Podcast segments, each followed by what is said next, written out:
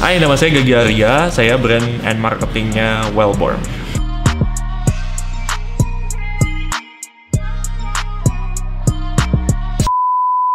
Oh iya, jadi Wellborn, uh, kalau kalian googling itu artinya salah satu artinya adalah uh, well-being gitu ya. Apa dia terlahir baik, uh, apa namanya terlahir kaya gitu ya.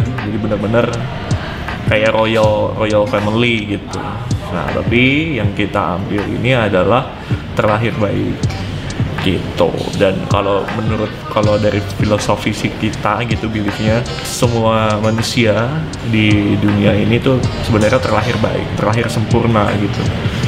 Dengan perbedaannya masing-masing. Makanya kita punya tajuk everybody is born different everybody is well born yang jelas kalau kalau konsepnya well born itu kita fashion apparel ya kita jualan apa namanya produk fashion gitu dari mulai topi, baju, kemeja, hoodie, ya jaket, terus celana, ada denim juga, ada casual pants juga. Yang belum ada sepatu sih kita. itu secara konsep ini ya bisnis gitu ya kita uh, punya si Wellborn punya produk apa aja. Kalau dari konsep uh, brand, branding, si Wellborn ini kita punya interest di seni, art. Khususnya adalah genrenya surrealism. Dan itu kita, si surrealism ini kita coba uh, masukkan itu kepada surrealism ini kita masukkan ke fotografi, ke cara kita membuat video, kemudian uh, ke beberapa produk kita nggak semua kalau kalian ngelihat graphic tees graphic t-shirt di website kita nah itulah. Satu 100% surrealism itu tertuang di situ. Ham surrealism itu. Itu satu. Kalau dari konsep uh, karena ini produk fashion dari style uh, tentunya Wellborn ini adalah sebuah kalau ibarat manusia ya, sebuah sosok uh, seseorang yang percaya diri individualism independen dan dia misterius. Makanya kalau bisa kalian lihat kita selalu warnanya gelap. Kalau kalian lihat model-modelnya nggak pernah senyum ya. Senyum yang fun gitu kita nggak pernah terlihat seperti itu. Kecuali kita pernah doing kolaborasi sama HGL ya itu benar-benar terlihat apa ya balbon yang fun gitu. Ada di situ di proyek kolaborasi. Itu. pertama sih uh, kalau dari founder kita Mas Birit dan Mas Milka dulu itu tahun berapa ya sekitar 2005 2006 ya itu sebenarnya bisnis Wellborn ini bukan awal bisnisnya kita gitu. Justru bisnis yang pertama kita adalah konveksi produksi. Jadi kayak uh, Mas Milka dan Mas Birit founder kita uh, awalnya kita, mereka mulai apa bikin produk buat brand orang lain ya gatal juga gitu. Akhirnya tercetus lah ya udah kita harus punya brand sendiri gitu. Kalau mengembangkan bisnis sih menurut gue pasti kalau uh, sebuah brand ya mungkin brand Wellborn sama brand yang lain punya style atau punya gayanya masing-masing gitu. Jadi so do what you believe aja sih dan konsisten gitu sama things apa yang bikin bisnis lu boros gitu terus dan itu kita, uh, dilakukan dengan secara konsisten. Kedua, jangan lupa disiplin ilmu. Itu juga sih yang membuat si Wellborn dari tahun ke tahun uh, tahun ke tahunnya itu kita bisa inovasi dari segi produk, dari segi gaya uh, kita melakukan marketingnya. Kalau misalnya kita tidak apa namanya tidak melakukan disiplin ilmu, tidak inovasi, ya akan mati sih bisnisnya menurut gue menurut kita ya gitu. Kalau dari kita dari kacamata di bisnis ya mengelola keuangan finance cash flow itu kalau udah di bisnisnya udah ada di small medium enterprise atau udah startup ya masih startup juga mengelola cash flow dengan baik itu penting menurut gue karena uh, ya kita nggak bisa produksi kalau nggak punya uang kan? Jadi mengelola cash flow dengan baik itu sangat penting. Itu mempos-poskan menganggarkan uang itu ke mana aja ini distribusinya berapa porsinya masing-masingnya gitu ya. Itu penting banget gitu. Itu sih yang kita lakukan yang kedua kita harus memberitahu orang-orang tentang produk kita gitu. Jadi kita punya produk jangan lupa dipublikasikan gitu kan ya. Kadang-kadang memang uh, eh, gue melihat sih ada beberapa bisnis yang ya dia punya produk bagus gitu tapi tidak dipublikasikan, tidak dipromosikan gitu. Channel-channel promosi kan banyak ya. Kalau kita dulu dari merintis dari 2006 itu uh, dulu kita pernah rilis produk tapi kita untuk nge-reach banyak orang kita nebeng di consignment store yang udah punya uh, audiensnya banyak masanya gitu. Kita kerja sama dengan mereka. Terus waktu lagi zaman hype-nya Twitter ya kan kita coba bikin konten yang viral gitu ya. Kita kita rilis produk kemudian uh, mungkin dulu ada apa istilahnya ya influencer kali ya dulu juga kita kerjasama sama influencer-influencer supaya produk yang kita rilis itu diketahui oleh banyak orang. Dan tentunya ya kita harus terus inovasi di channel-channel promosi yang relevan pada zamannya gitu. Supaya gimana caranya supaya brand ini nge-reach gitu banyak orang gitu. Nggak hanya diketahui oleh segelintir orang walaupun si Wellbone sendiri punya konsep yang uh, yang konsep yang eksklusif ya gitu hanya tapi maksud gua audiensnya tuh di orang-orang yang eksklusif tapi audiensnya yang di di reachnya lebih banyakin lagi. Tadinya ada di Bandung sekarang Jakarta tahu Surabaya tahu gitu Makassar tahu di Kalimantan tahu gitu. Nggak hanya orang-orang Bandung aja Jadi kalau dari bisnis proses kita ini biasanya kita dimulai dari kita ada divisi data analis ya bisnis and data analis. Uh, menentukan target gitu tahunan dulu. Biasanya kita tuh di uh, di akhir tahun tuh bisnis and data analis tuh udah mulai bikin. Ketika udah di Desember itu mulai itu kita brainstorming di tahun depan uh, dengan target setiap bulannya seperti ini kita mau bikin apa dengan dana sekian kita mau bikin apa? Dimulai dari situ dulu sih. Dari situ mulailah brand and marketing bekerjasama dengan tim kreatifnya khususnya di desain ya di R&D produk divisi produk untuk bikin uh, campaign produknya tuh di setiap bulan bagaimana supaya achieve target. Gitu. Dan kalau dari udah mulai dari situ kemudian tim sales juga bikin rencana distribusi produk gitu sama strategi penjualan di field di lapangan. Kemudian ide dari masing-masing divisi itu dari divisi brand marketing dan uh, produk kemudian sales kita satukan nanti merekrut kepada divisi supply and chain. Jadi uh, dengan strategi seperti ini dan dengan strategi penjualan dan brand marketing ya dan produk seperti ini supply and chainnya harus bagaimana gitu. Beli apa mesti oke okay, target misalnya Januari harus sekian ratus juta berarti kita mesti beli bahan kan untuk produk-produk itu kerja sama sama vendornya apa aja. Nah, itu sudah kita rencanakan di uh, awal tahun dan kita eksekusi di tiap bulannya. Dan setiap minggu kita ada weekly meeting untuk koordinasi perkembangannya udah sampai mana step-step yang akan yang kita sudah rencanakan dalam satu tahun itu. Bisnis proses itu dengan yang benar-benar tight itu ya udah kita lakukan gitu.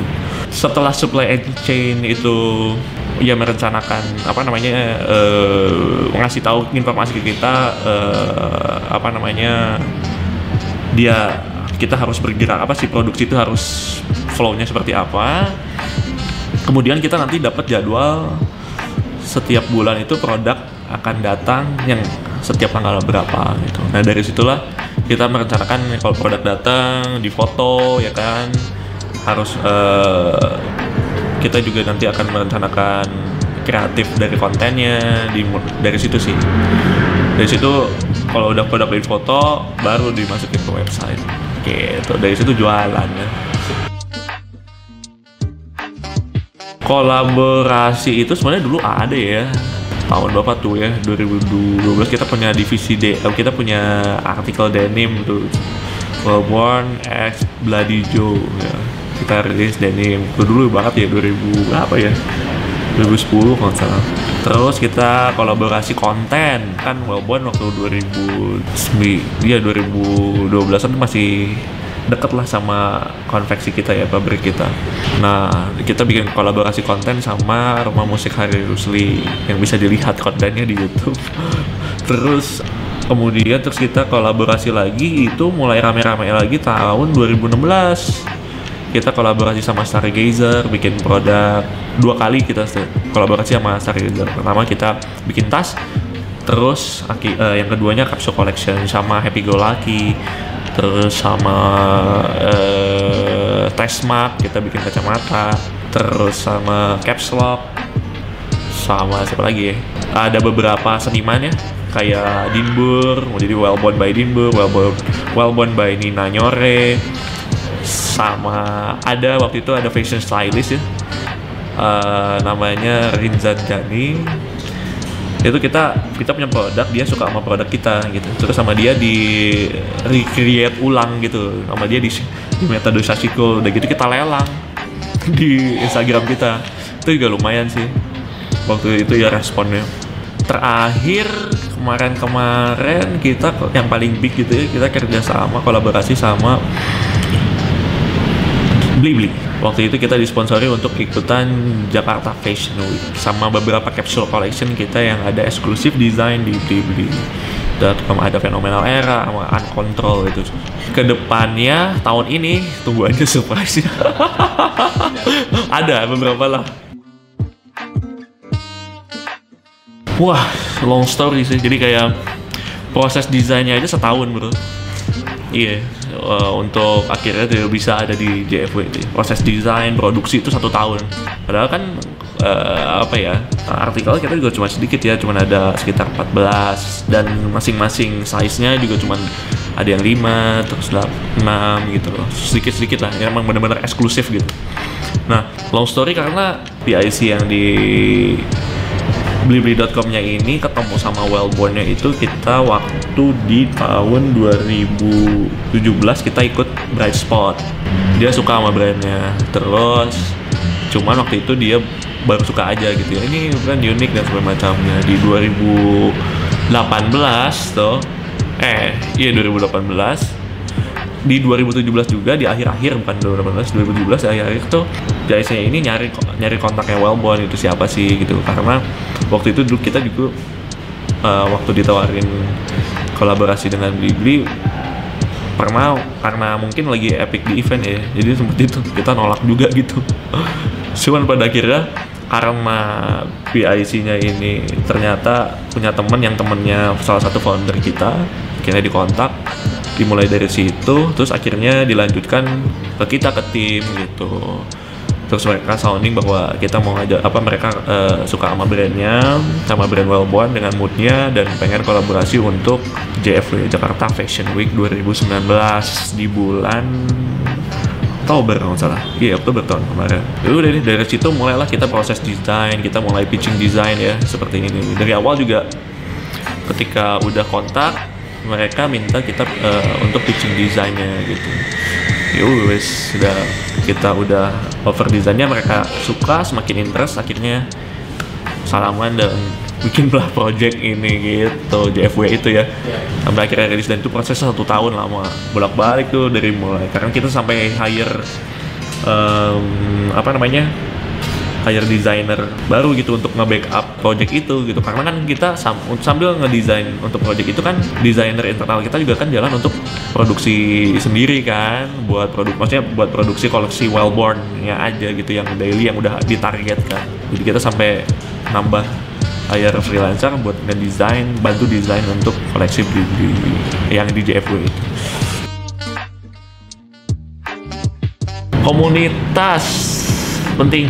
Ya brand nggak bisa berdiri sendiri sih menurut gue. Kalau brand nggak punya komunitas atau at least audiens yang loyal mungkin ya sama brandnya dia nggak akan bisa hidup sih gue karena dari situ kayak apa ya komunikasi word of mouth juga kita butuh gitu. Komunikasi word of mouth dari uh, komunitas dari uh, apa namanya dari orang-orang customer yang loyal sama kita kita juga butuh itu.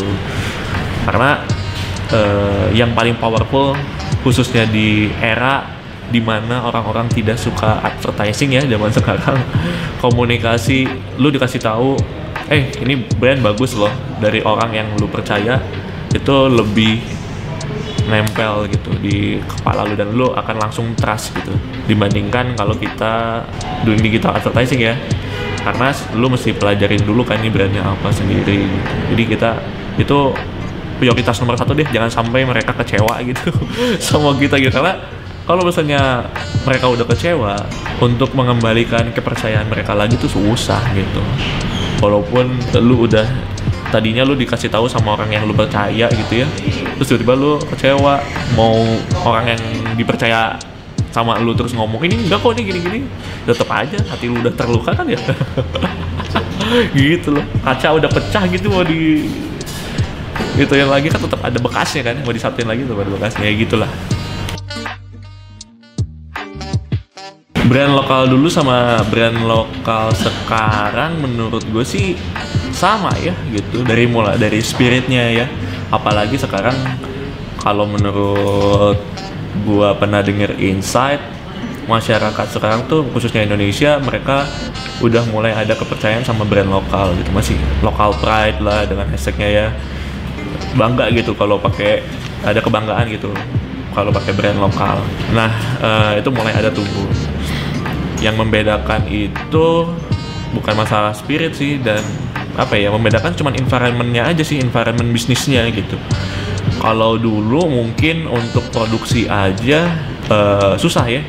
Mer uh, karena dari mungkin masih pada ngulik gitu loh. Dulu dulu dari bisnisnya juga masih ngulik gitu masih uh, belum apa ya in, karena mungkin keterbatasan informasi juga kali ya kalau dulu. Kalau sekarang lu bisa belajar dari mana saja gitu ya dari YouTube banyak akses informasi kencang banget gitu. Jadi kayak cuman bedain cuma environment bisnisnya aja sih sebenarnya. Justru yang sekarang ini dari segi kalau lu mau mulai bisnis channel penjualan banyak ya gak? dan dengan teknologi semua jadi mudah gitu. Justru saatnya lah sekarang ini brand lokal scale up sih harusnya ya. Ini scale up itu dalam arti uh, dengan semua kemudahan ini gitu ya. Dari scale up dari segi manajemennya, scale up dari segi apa strategi bisnisnya gitu untuk dan scale up dari revenue-nya tentunya ya. Itu sih yang apa ya yang membedakan ya environment-nya aja. Kalau spirit mah brand ya dengan ada adanya hashtag local pride, dengan adanya movement-movement dari setiap brand lokal itu sama lah gitu ya. Tinggal kita sama-sama unite aja, sama-sama bersatu sesama brand lokal gitu ya, mungkin akan lebih punya big impact gitu. Mungkin sekarang hambatan adalah masalah menyesuaikan nih antara target dan produksi. Itu selalu jadi hambatan karena variabelnya banyak banget gitu. Kayak dari mulai bahan bahan satu t-shirt aja kan banyak ya. Ada benangnya ada labelnya ada sablonnya nah itu kok karena saking banyaknya variabel itu kadang-kadang waktunya suka molor gitu. Terus itu mempengaruhi kita semua juga sih kerja kita juga di sini. Itu sih produksi terus yang kedua how we track our audience. Uh, how we track their interest gitu. Itu lumayan menjadi hambatan karena audiens sekarang tuh maksudnya masanya ya audiens market kita sekarang tuh sangat dinamis gitu mereka gampang sekali ya kita, mungkin ya. Mereka ketika oke okay, kita walaupun lagi stand out gitu. Bulan depan belum tentu gitu. Karena saking apa ya mudahnya untuk ya karena kemudahan teknologi dan mudahnya juga bikin konten sekarang kan ya. Kita harus dinamis juga mengikuti mereka dan itu perlu nggak bisa jalan harus berlari dan harus terus-terus kita mempelajari. Itu sih hambatan